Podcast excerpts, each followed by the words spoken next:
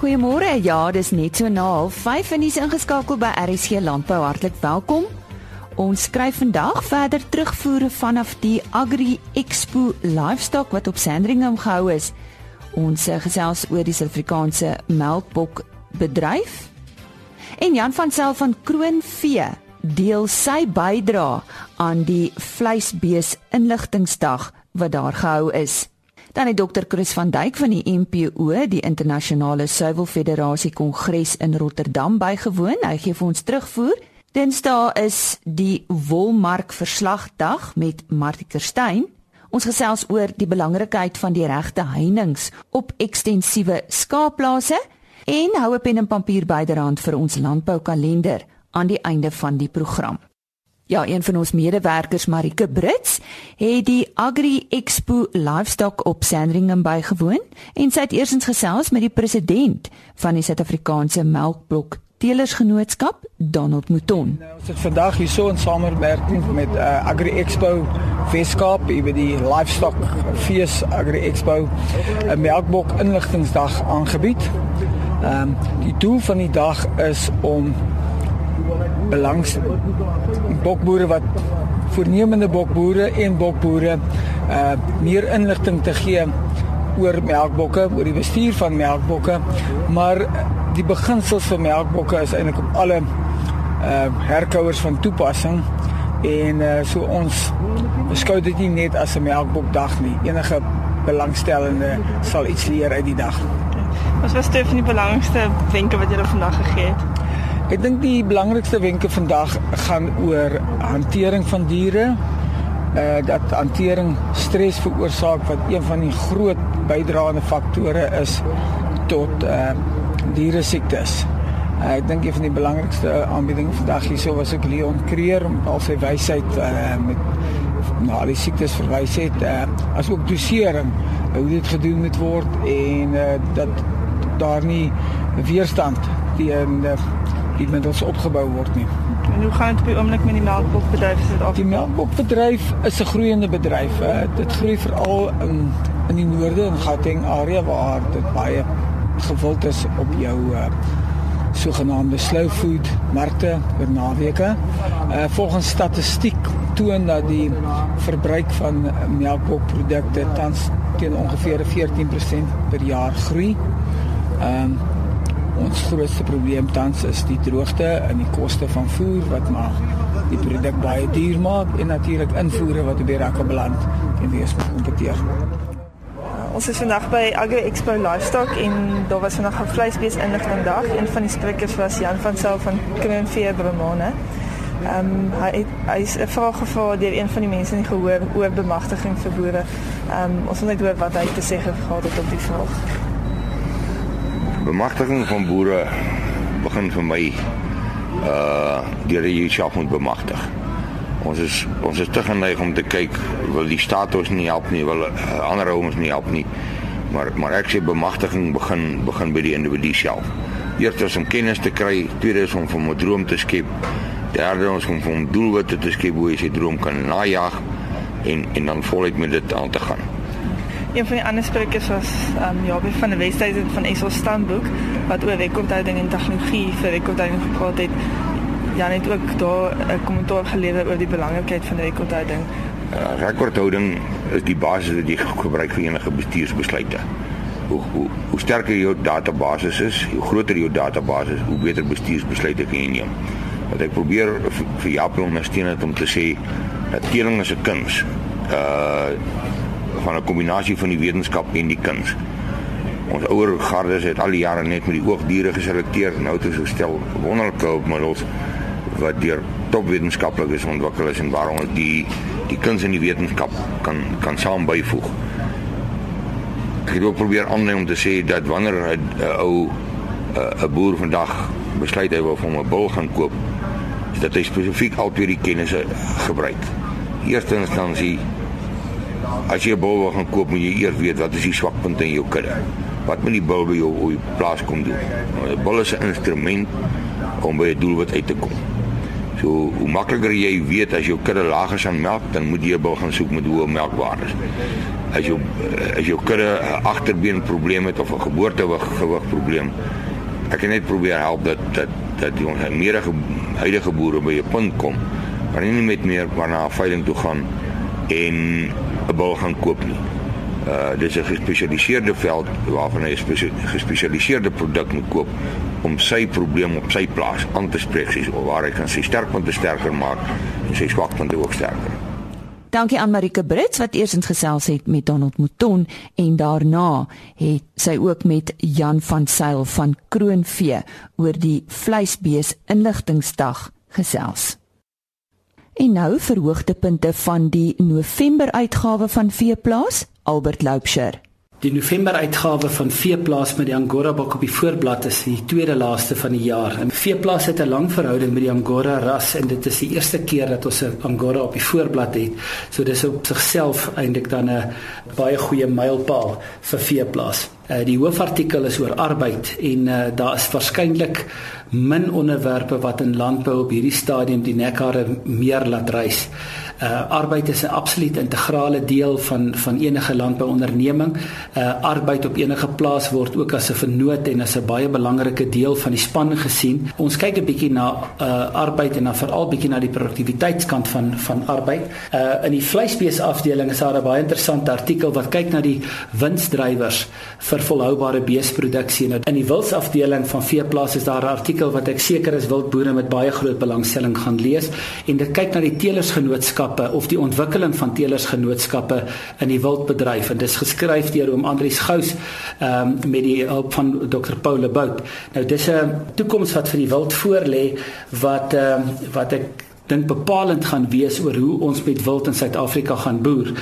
Uh, in die in die voedingsafdeling is daar 'n baie mooi artikel oor ehm um, weidings vir skape, uh, hoe veeproduksie met uh, besproeide weidings verbeter kan word wat Koos Tupesani geskryf het en so is daar ook 'n 'n baie goeie artikel van Dr Michael Bradfield uh, met die met die tema wat sê selekteer eers jou teeler en dan jou bul. Ehm um, dis 'n 'n baie interessante fokus van van van Dr Bradfield ehm um, wat sê dat as jy jou teeler reg kies en jy bly die die uh, bulle van daardie teeler gebruik vir 3 generasies dan gaan jy 'n 87% uh, genetiese ooreenstemming uh, korrelasie hê met die genetika van die teeler waarby jy koop. Uh, dit dink ek is een van die groot lesse wat ons in die veebedryf nog nie eintlik altyd geleer het nie. En dan het Frikkie Marie in die in die bestuur en tegnologie afdeling 'n artikel oor die tegnologie wat gebruik kan word om plaasveiligheid uh, te bevorder. Uh, ek dink in hierdie tyd en dag 'n vreeslik belangrike ding dat boere hulle self beveilig. Dit is lelike dinge wat kan gebeur op plase en ons ons moet seker maak dat ons nie onsself in in in riskante posisies plaas nie. Dan is daar ook wat 'n uh, artikel wat Koos uh, geskryf het in die bestuursafdeling wat ek dink baie aandag gaan trek en dit gaan oor die die regte heininge. Uh hoe 'n mens jou heiningspan, waarna jy kyk, wat belangrik is. Dit bly vir my een van die heel belangrikste goed op 'n plaas wat die minste aandag aan gegee word. Uh dit word absoluut bloot as 'n kommoditeit gesien en eintlik is dit 'n fundamentele ehm um, belangrike uh, item op jou plaas wat plaasveiligheid waarborg, wat predasie kan beheer, wat bestuur vergemaklik. Daar's so baie dinge wat met goeie beheer gedoen kan word. As ons na die veilingafdeling kyk agter in die in die handelspos dan besef ons hierdie tyd van die jaar is die veilingseisoen verby. Ek dink dis 'n veilingseisoen wat die meeste mense in die bedryf redelik deurmekaar gehad het. Uh ons het van ons beste veilings en van ons swakste veilings in 1 jaar gehad. Dit was baie moeilik om te voorspel uh hoe veilings gaan afspeel. Ehm um, dit het maar te doen met die ekonomie en die die droogte op spesifieke streke wat erger was en as as as in ander. Maar ek ek dink regtig ons sien uit na 'n meer gebalanseerde en meer voorspelbare ehm um, uh, veilingsseisoen volgende jaar. Ek dink net dis belangrik dat die lesse wat ons geleer het in in 2016 baie kosbaar bewaar word en gebruik word om die planne vir 2017 te maak. Aan die woord daar Albert Loubser. Die internasionale suiwel federasie kongres het vanjaar in Oktober in Rotterdam plaasgevind en vir terugvoer hieroor Dr Chris van Duyk, die hoofuitvoerende beampte van die melkprodusente organisasie. Ehm um, Lisa, ja, goeiemôre. Ja, dit is goed om weer terug te wees Uh, maar ek ek dink die konferensie soos jy gesê die konferensie was die jaar was in Rotterdam gewees van die 17de tot die 19de Oktober. Nou daar was afgevaardigdes van onder andere van Melkesa dan van Sampro en dan ook um, myself en Dr. Koets um, Koetsie van die NPO daar gewees. Nou ons was daar saam met 1200 afgevaardigdes van reg oor die wêreld. Maar die tema die jaar was ehm um, die Engelse tema wat dit was gewees dare to dare, jy weet, 'n uitdaging om dan sou wel betrokke te raak.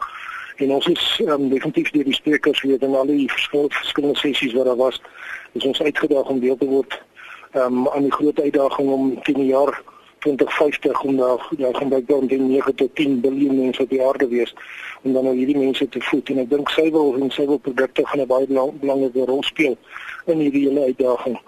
Ons het verskeie um, sessies gehad op die maandag die 17de het ons begin.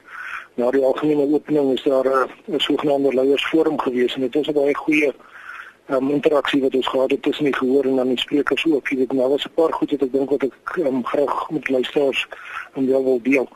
Ehm um, die een een van die stellings wat gemaak is is wat gemaak was is dat slegs die regering kan die oorlewing van boere waarborg.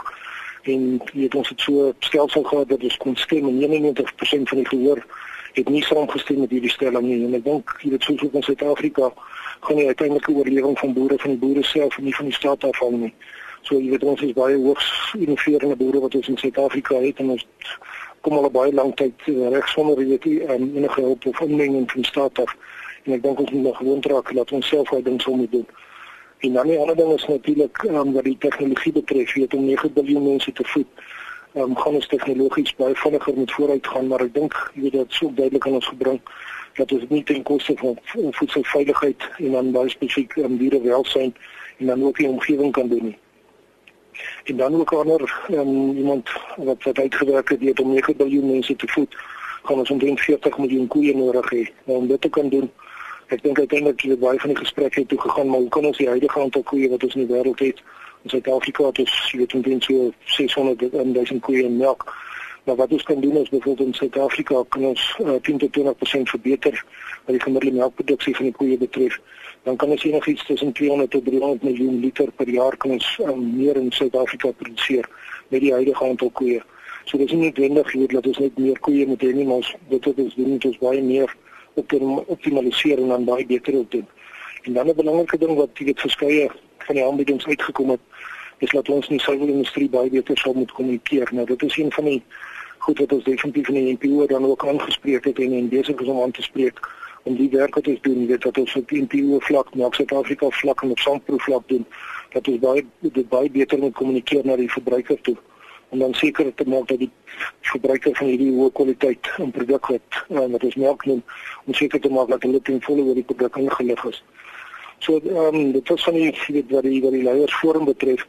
En toe die volgende 3 dae was baie besig geweest. Ja, daar was in totaal was daar meer as 120 lesings en weet uit die aard van van die aantal lesings was 4 of 5 parallel sessies wat um, gelyktydig afloop het ons dan toe opgedeel tussen die verskillende mense en die, uh, die verskillende mense wat nou die um, internasionale suiwer federasie of die IDF se konferensie bygewoon het is nou besig om dan opsommings te skryf wat binnekort beskikbaar sal wees.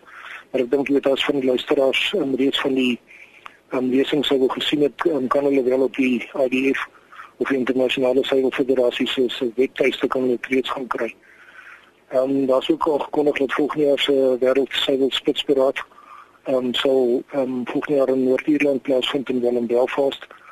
En ek dink dit dit is baie bly dit 'n belangrike forum hier net om vorme wêreldleiers en sy wil dan uit te kan kennis uitruil. Hier is kennis wat ons definitief in Suid-Afrika nodig het. En ek dink dit is baie goed dat mense op die eerste hand so vlak hier met 'n interaksie met die mense wat dan nou en wel kan kan kan kry. En dan goeie nuus ook, jy weet ons alhoewel Suid-Afrika minder as 1% van die ehm um, melk in die wêreld produseer speel ons 'n baie groot rol binne die IDF hier tussen tot verskeie van die bestaande komitees.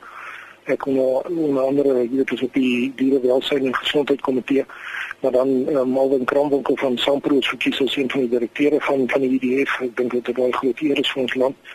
En dan ook vir hom en dan dat die koerskutsie is op die um, wetenskapkomitee is hy ook verkies.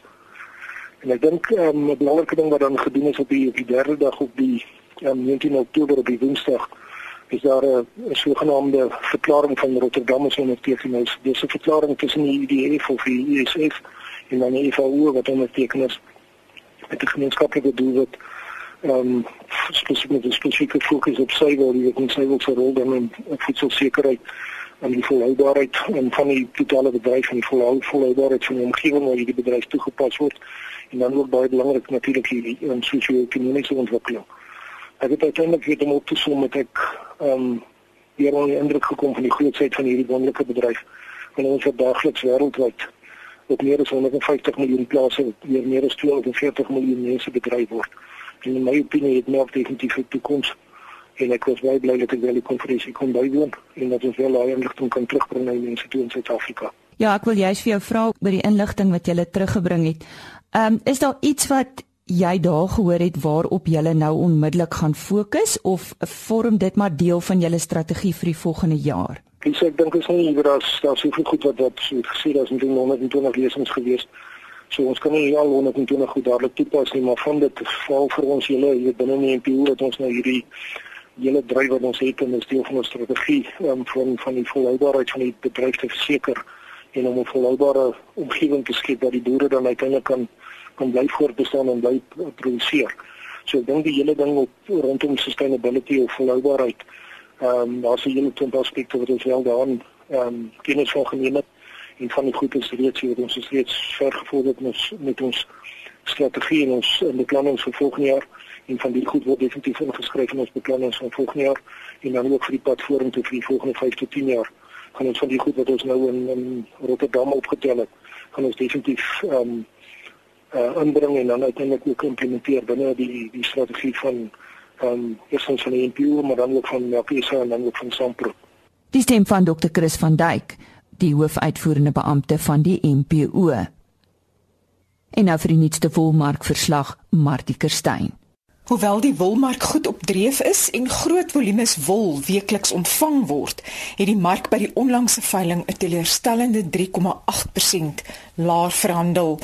Die Cape Wool's Merino aanwyser het met 571 punte verswak en teen 'n waarde van R146.49 per kilogram verskoon wol gesluit.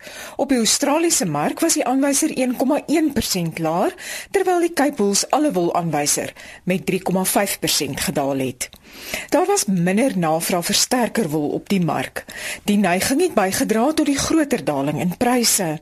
Fyner woltipes het egter steeds mededingend verhandel.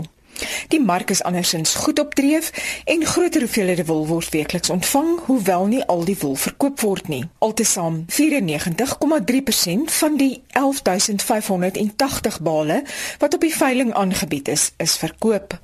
Die gemiddelde skoonwolpryse vir die seleksie binne die verskillende mikron kategorieë van goeie lang kamwoltipes was soos volg: 18 mikron neem met 1,2% af en sluit teen R166,95 sent per kilogram.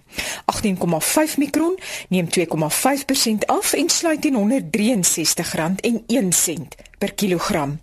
19 mikron daal met 2,2% en sluit teen R160,79 per kilogram. 19,5 mikron daal 3,4% en sluit teen R153,91 per kilogram. 20 mikron verswak met 4% tot op R145,83 per kilogram. 20,5 mikron daal 4,4% tot op R141,45 per kilogram. 21 mikron neem ook af met 4,1% tot op R139,37 per kilogram. 21,5 mikron verhandel 3,6% laer tot op R139,41 per kilogram. 22 mikron verswak met 6,7% tot op R134,10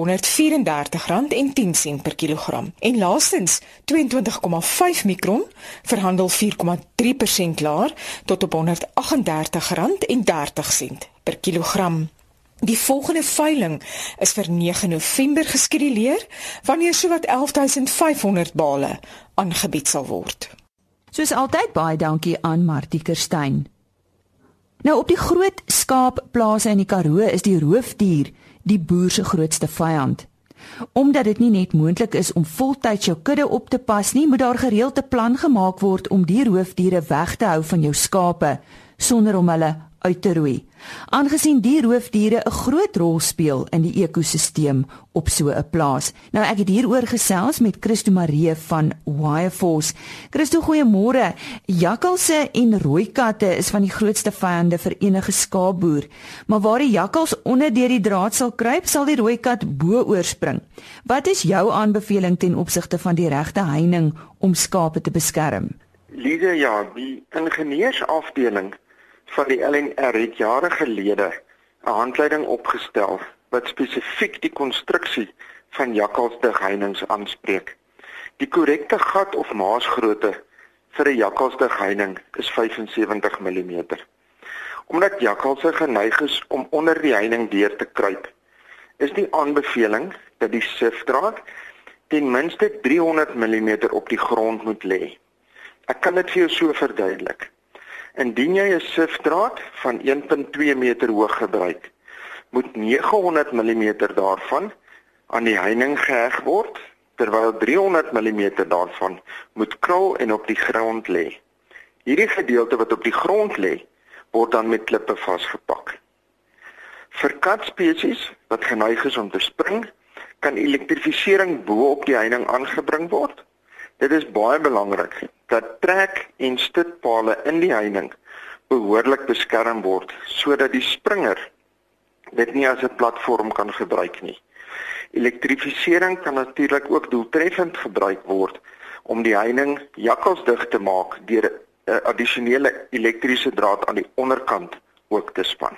Christo, maar hoe groot moet die maasgate van 'n sifdraad wees om die jakkals spesifiek uit te hou?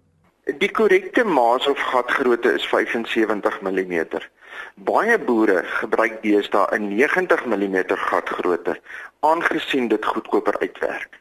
En wat kan gedoen word om te gelyk die jakkals en katspesies uit te hou? Diere pas aan by hulle omstandighede en leer om stelsels te omseil. 'n Jakkals wat in 'n area jag of aas sal byvoorbeeld aanpas by die stelsel wat geïnstalleer is en oor 'n tydperk 'n swak plek in die heining uitsniffel. En so ook dieselfde met katspesies. Heininge moet dus gereeld geïnspekteer word en aanpassings moet gemaak word. 'n Kombinasie van 'n jakkalsdig heining en elektrifisering is uit die aard van die saak die beste oplossing indien probleme met beide spesies ondervind word. Anatoliese honde is natuurlik ook 'n opsie Ek verstaan baie boere het groot suksese met hulle. Kom ons brei bietjie uit op die elektrifisering wat kan help. Ja, elektrifisering sal definitief help, maar instandhouding op 'n elektriese heining is van kardinale belang. 'n Elektriese heining is slegs effektief as dit behoorlik in stand gehou word. Die heining moet skoon gehou word aan beide kante sodat gras en takke nie teen die heining raak of skuur nie want dit sal die effektiwiteit van die heining negatief beïnvloed. 'n Baie belangrike faktor wanneer jakkalsdig heininge geoptimaliseer word, is dat die boer seker moet maak dat geen jakkalse of rooi katte binne die heining vasgekeer word nie. Maar kom ons kyk bietjie na die ekosisteem, hierdie geelektrifiseerde drade. Is dit nie sleg dat uh, miskien iets so skilpaaie of likkewane uh daardeur dalk kan vrek nie? Om die, die diere wat gen, wat jy genoem het te beskerm en weg te hou van elektriese draad kan 'n ongeelektrifiseerde draad ongeveer 200 tot 300 mm weg van die heining gespan word. Hierdie draad moet ook niks hoër as so 100 mm van die grond gespan word nie. Wanneer onskuldige diertjies dan die heining nader en hulle loop teen hierdie sogenaamde dooie draad vas, draai hulle om en stap in 'n ander rigting. In teorie maak dit sin en ons glo dat in die praktyk dit ook so sal werk. Indien die dooie draad nie gespan word nie, loop hierdie diertjies in die lewendige draad vas en indien hulle dan verstrengel raak, word hulle herhaaldelik geskok en kan hulle doodgaan. Goed Christus, iemand graag uh, met jou bietjie wil gesels oor uh, hierdie doeltreffende praktyke, wat kan hulle doen? Weet jy, hulle kan ons kontak, hulle kan my direk kontak, uh, of hulle kan ons kantoor kontak wat dan hulle in verbinding met my sal sal bring. En 'n telefoonnommer? My telefoonnommer direk is 082 772 7917 en ons kantoorlyn is 01 007 337. Ja, baie dankie vir daardie goeie raad en dit was dan Christo Marie van Wireforce en 'n telefoonnommer vir hom is 082 772 7917. Ons kyk vinnig na die landboukalender.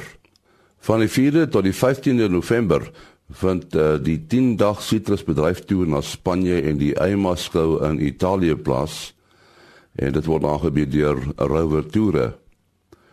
Subtrop se bemarkingssimposium vind op die 9de November plaas en dit is by M020 Arena op Nelspruit. Van die 9de tot die 13de November vind die internasionale landbou en tuinbou gereedskap expo plaas in Bologna, Italië. Van die 8ste tot die 10de November op Willowmore in die Ooskaap is die nasionale Angora skou. En SA landbouskrywers se uh, boer van die jaar toekenning vind op die 11de November plaas by Lariba Lodge in Centurion. En dit is dan ons landboukalender. Baie dankie aan Henny Maas vir daardie landbou kalender. Môreoggend onder andere die rol van droogte en siekteontwikkeling by mielies. Ons gesels daaroor met die Instituut vir Graangewasse en dan kry ons ook weer eens terugvoer vanaf Jan van Sail oor die beesplaasdag wat daar op Kroonvee plaasgevind het. Dit is maar net van die onderwerpe op môreoggend se program. Ek sien uit om weer saam met u te kuier. Totsiens. RSG Landbou is 'n produksie van Blast Publishing. Produksieregisseur Henny Maas. Aanbieding Lisa Roberts. En uitskoördineerder Martie Kerstyn.